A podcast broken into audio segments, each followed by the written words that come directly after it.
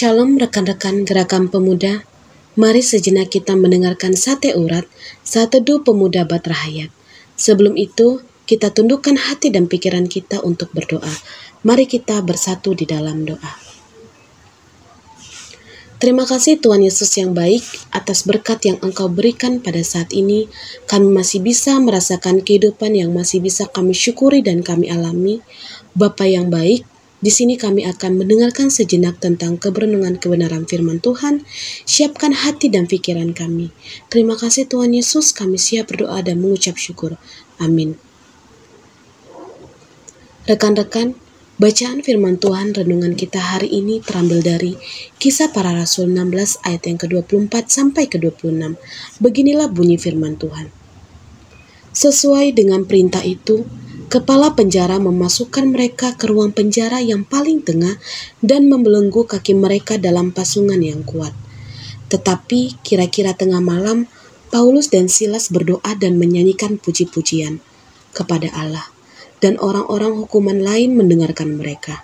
Akan tetapi, terjadilah gempa bumi yang hebat, sehingga sendi-sendi penjara itu goyah, dan seketika itu juga terbukalah semua pintu dan terlepaslah belenggu mereka semua. Demikianlah pembacaan firman renungan kita hari ini. Baiklah rekan-rekan, renungan kita hari ini berjudul tentang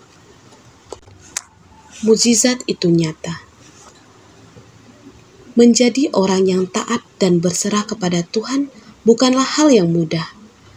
Dibutuhkan keberanian untuk berjalan bersama Tuhan Paulus dan Silas adalah orang-orang yang berani mengambil resiko pelayanan.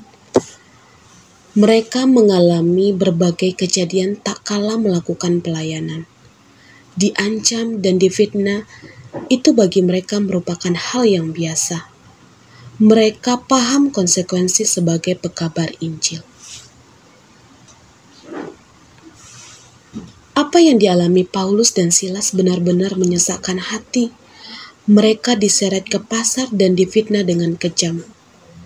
Semuanya ini sebenarnya dilatar belakangi kemarahan para tuan, hamba perempuan yang memiliki roh tenung karena si hamba perempuan itu telah dilepaskan dari roh tenung oleh Paulus. Ini sangat merugikan mereka.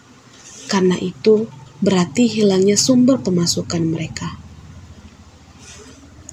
Paulus dan Silas bukan hanya diseret dan difitnah, Pakaian mereka dikoyakkan dan tubuh mereka didera, lalu keduanya dimasukkan dalam ruang penjara yang paling tengah dan dibelenggu kaki mereka dengan mempergunakan pasungan yang kuat. Lalu, apa yang dilakukan oleh Paulus dan Silas? Apakah mereka meratapi nasib? Tentunya tidak.